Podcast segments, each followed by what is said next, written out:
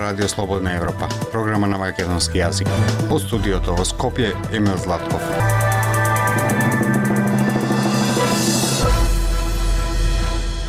Почитувани, во оваа емисија ке слушате. Владата се фали со зголемувањето на просечната плата, а голем број вработени во јавниот сектор и натаму се на ниво на минималец. Насилството кај младите може ли од око за око, зап за зап да се дојде до помирување и како да им се помогне и на жртвите и на насилниците? Вештачката интелигенција се уште во врвот на најгорливи теми во целиот свет. Таа треба да се одржи безбедна, повикаа лидерите на Г7. За тоа што ја чека Турција во вториот круг избори во недела, Радио Слободна Европа разговараше со Сонер Чагаптај, директор на турската истражувачка програма на Институтот во Вашингтон. Слушајте не. Радио Слободна Европа, светот на Македонија. Владата се фали со зголемувањето на просечната плата, но голем број вработени во јавниот сектор и натаму се на ниво на минималец. Дали неусогласениот систем создаде хаос со платите? Повеќе на оваа тема од прилогот на Владимир Калински. Иако просечната нето плата во март годинава е зголемена и изнесува 34.925 денари според податоците на Државниот завод за статистика, синдикатите реагираат дека над 90% од вработените во администрацијата се уште земаат пониски плати, кои во просек се помалку од 23.000 денари, додека примањата на илјадници работници се на ниво на минималната плата, во меѓувреме платите на функционерите пораснаа за 78%, што што е скоро двојно повеќе, но владата се фали дека зголемувањето на просечната плата е поради неизините предвидливи и конзистентни политики кои овозможиле константно зголемување на животниот стандард. Вице-премиерот за економски прашања Фатмир Битики рече дека просечната нето плата во март се доближила до индексот на трошоците за живот, односно инфлацијата. Инфлацијата во Македонија е скоро 20%, додека потрошувачката кошничка изнесува нешто под 50.000 денари. Официјалните податоци покажуваат дека семејство со една просечна и една минимална плата нема доволно пари да ја наполни потрошувачката кошничка. Сепак има зголемување на платите во некои сектори, но некаде останаа под минималец. Статистиката на Државниот завод покажува дека за скоро 20% е зголемена просечната нето плата во секторот градежништво, а во образованието за 15%. Зголемени плати според податоците има во секторите фармација, информатичка технологија и воздухопловство, а во останатите сектори платите генерално се исти, во некои сектори како заштитните и истражните дејности, вработените земаат и подзаконски минималната плата од 20.175 денари. Кога станува збор за администрацијата, Трпе Деановски од Синдикатот на работниците од управата, правосудните органи и Сдруженијата на граѓани УПОС вели дека само државните советници моментално земаат плата над просечната, а повеќе од 96% во администрацијата и правосудните судството примаат плата под просечната. Ваквата ситуација ќе биде и полоша бидејќи предметката на Државниот завод за статистика не ги зема во само просечни исплатените нето плати, туку во пресметката на Државниот завод за статистика се земаат и сите додатоци на доместите на плата кои се на. Вели Деановски, синдикатот на просветните работници реагираше и дека многу вработени земаат скоро двојно помалку од законски утврдената минимална плата. На протест во Скопје на 24 мај тие побараа владата да ги почитува колективните договори и да добијат покачување на начин како што добиле функционерите, коефициент од 2,5 да биде помножен со минималната плата, како што велат за да добијат достоинствено вреднување на трудот на просветните работници. Дайте ни 15 минути и ние ќе ви го дадеме светот. Слободна Европа.мк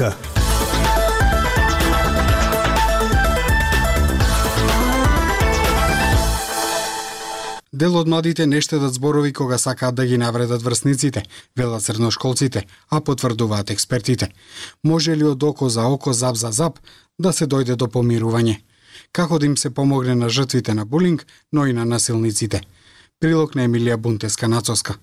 Ме задеваа во основно бидејќи имав подобри оценки, а бев и малку повлечена. Јас сум покрупно дете, па од мал бев жртва на булинг. Со учениците ми велеа дека мојата облека не е модерна или дека не е добра да се носи истата облека секој ден. Ова се дел од сведоштвата на средношколци за Радио Слободна Европа, кои неодамна дискутираа за насилство меѓу младите на дебата на филозофскиот факултет во Скопје. Од дома им се кажува на децата тоа немој да правиш онака, немој да правиш овака, мораш да имаш добри оценки, не се дружи со овој, не се дружи со оној. А, и со самото тоа на децата им се на децата им се ствара некоја си страв да не бидат исклучени, затоа што родителите им го кажуваат тоа. Изјавија Релена Гостимировиќ, средношколка од Кавадарци. Колку повеќе ги задеваш врсниците, толку поголем фраер си. Вака размислуваа дел од младите, забележува училишниот психолог во гимназијата Никола Карев, Гордана Блажевска Спиридонова, во изјава за РСЕ. Во нивниот микропростор или во субкултурата на врсници има посебни правила, како правилата око за око, зап за зап, истакнува таа. Вели и дека насилството е дел од човековата природа и луѓето го имаат тој капацитет со раѓање, но задачата на социализацијата и на средината е тоа да го коригира и контролира, а искуството покажува дека средината потврла во оваа задача. Кој може да помогне? Пензионираната професорка по развој на психологија Олга Мурџева Шкарич порачува, жртвата треба лично да доживее чувство дека не може мене кој било да ме навредува, но и да знае за самопомош.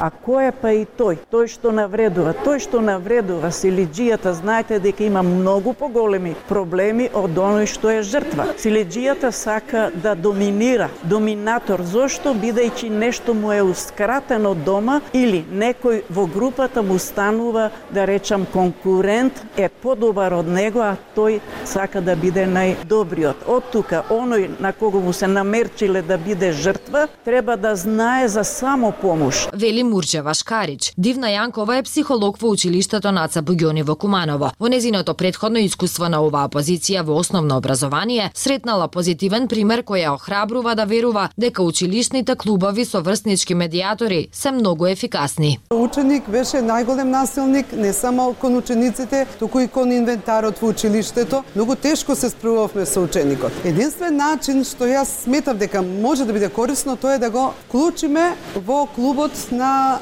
ненасилна комуникација и медиација. Откако ученикот ја заврши обуката, тој беше најпримерен медиатор, односно поддржувач на ненасилна комуникација изјави Јанкова. Затоа вели и понатаму се посветува на концептот за врсничка медиација за решавање на конфликти и забележува дека по години континуирана работа со ваков пристап, бројот на тепачки во училиштето на Буѓони, на пример, е драстично намален.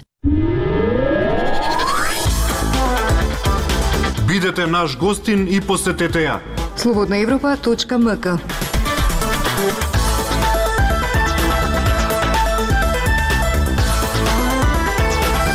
Брзиот напредок во вештачката интелигенција во последниве месеци поттикна повици за поголем надзор на поголем број апликации. Лидерите на Г7 за првпат на самитот во Јапонија разговараа за стандарди за незина регулација. Деталите ви ги пренесува Зорана Гаджовска. Лидерите на Г7 повикаа на развој и усвојување на технички стандарди за да се одржи вештачката интелигенција безбедна, нагласувајќи дека правилата за дигитални технологии, како што е вештачката интелигенција, треба да цветаат во согласност со заедничките демократски вредности, јава новинската агенција Reuters. Повикот доаѓа откако Европската унија овој месец се приближи до усвојување на законодавството за регулирање на технологијата за вештачката интелигенција. Потенцијално првиот сеопфатен закон за вештачка интелигенција во светот што може да создаде преседан меѓу напредните економии. Иако постојат одредени разлики меѓу земјите околу регулирањето на вештачката интелигенција, лидерите на Г7 се согласија да формираат министерски форум наречен Хирошима Ви процес за да разговараат за овие прашања. Самитот следи по минатомесечниот состанок на министрите на Г7, каде што членовите на групата Соединените Американски држави, Јапонија, Германија, Велика Британија, Франција, Италија, Канада и Европската унија соопштија дека треба да усвојат правила за вештачка интелигенција заснована на ризик. Лидерите на Г7 велат дека одговорната употреба на вештачката интелигенција треба да биде согласена со вредностите кои вклучуваат правичност, почитување на приватноста и заштита од вознемирување, омраза и злоупотреба употреба на интернет, јава новинската агенција Франспрес. Алатките за генерирање текст како што се ChatGPT, Креатурите на слики и музика, составени од вештачка интелигенција, предизвикаа возбуда, тревога и правни битки бидејќи креатурите ги обвинуваат за присвоување материјал без дозвола. Пренесува новинската агенција Франспес додавајќи дека владите широм светот се под притисок што поскоро да ги намалат ризиците. Новиот јазичен модел на вештачка интелигенција од OpenAI ги принуди земјите широм светот за прв пат да се фокусираат на опасностите од дезинформација, хаос и физичко уништување на критична инфраструктура, пишува Нью Йорк Таймс.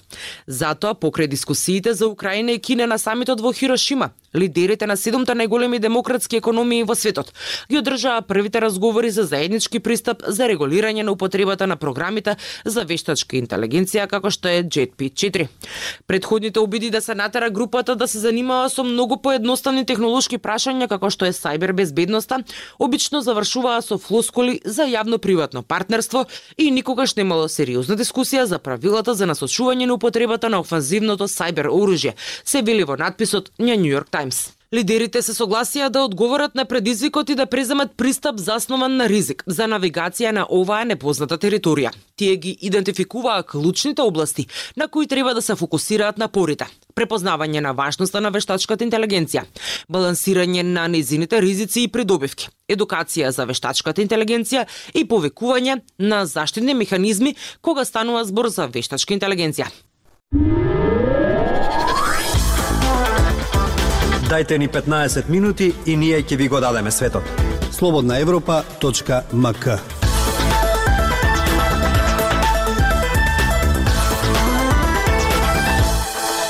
Во недела во Турција ќе се одржи вториот круг од председателските избори. За тоа што ја чека Турција во вториот круг од прилогот на Ивана Стојкова. Во пресрет на изборите во Турција, аналитичарите почувствуваа можност за епохален пресврт, повеќето јавни анкети сугерираа дека опозицијскиот кандидат Килич Тароглу е во убедливо водство пред Ердоган, исто така дека опозицијската коалиција ќе победи на парламентарните избори. Сепак Ердоган заврши со убедливо водство и коалицијата предводена од неговата партија обезбеди мнозинство во парламентот. Како се случи тоа? Одејќи на избори, председателот Ердоган имаше два предизвика. Еден од нив беше економија, 50% инфлација и лирата која изгуби речиси 500% од својата вредност во последните пет години. А другото прашање беше обединетата опозиција. Мислам дека успеа да ги надмени двата предизвика. Што се однесува до економијата, Ердоган формираше добри врски меѓу Турција и монархиите во Персискиот залив. Тоа резултираше со големи парични трансфери во Турција и тој негуваше добри врски со Русија, особено со Путин, одржувајќи ги економските врски со Русија, дури и додека војно ја поддржува Украина, а тоа резултираше со готовински прилив во Турција, туризам, трговија, инвестиции, но и повторно големи парични трансфери од Русија во Турција во 2022. Овие му помогнаа на Ердоган да додели дарежливи бенефиции за социјално осигурување, огромни изголемувања на платите, да спроведе простување заеми и да издаде ефтини кредити. Во Турција на 45% од работната сила им се исплаќа минимална плата, а минималната плата минатата година е зголемена за три пати, со што износот е двојно зголемен. Сето тоа му помогна на Ердоган,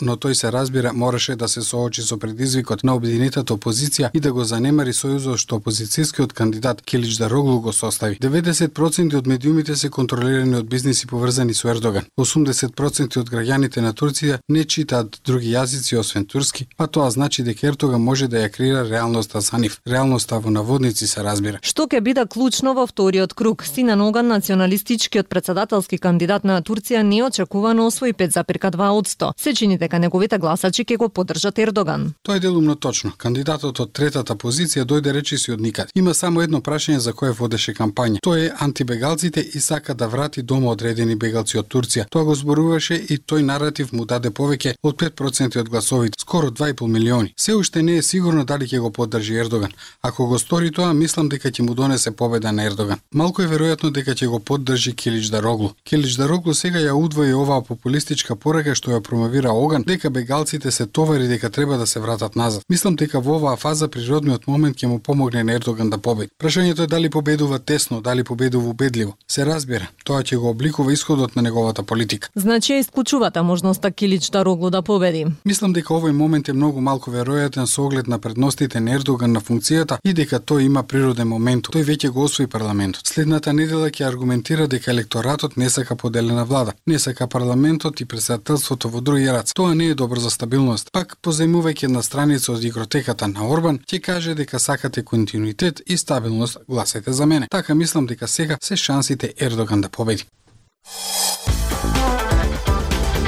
Тоа беше се за оваа емисија. Ја слушавте програмата на македонски јазик на Радио Слободна Европа. Од студиото во Скопје ве поздравуваат Дејан Балаловски и Емил Златков.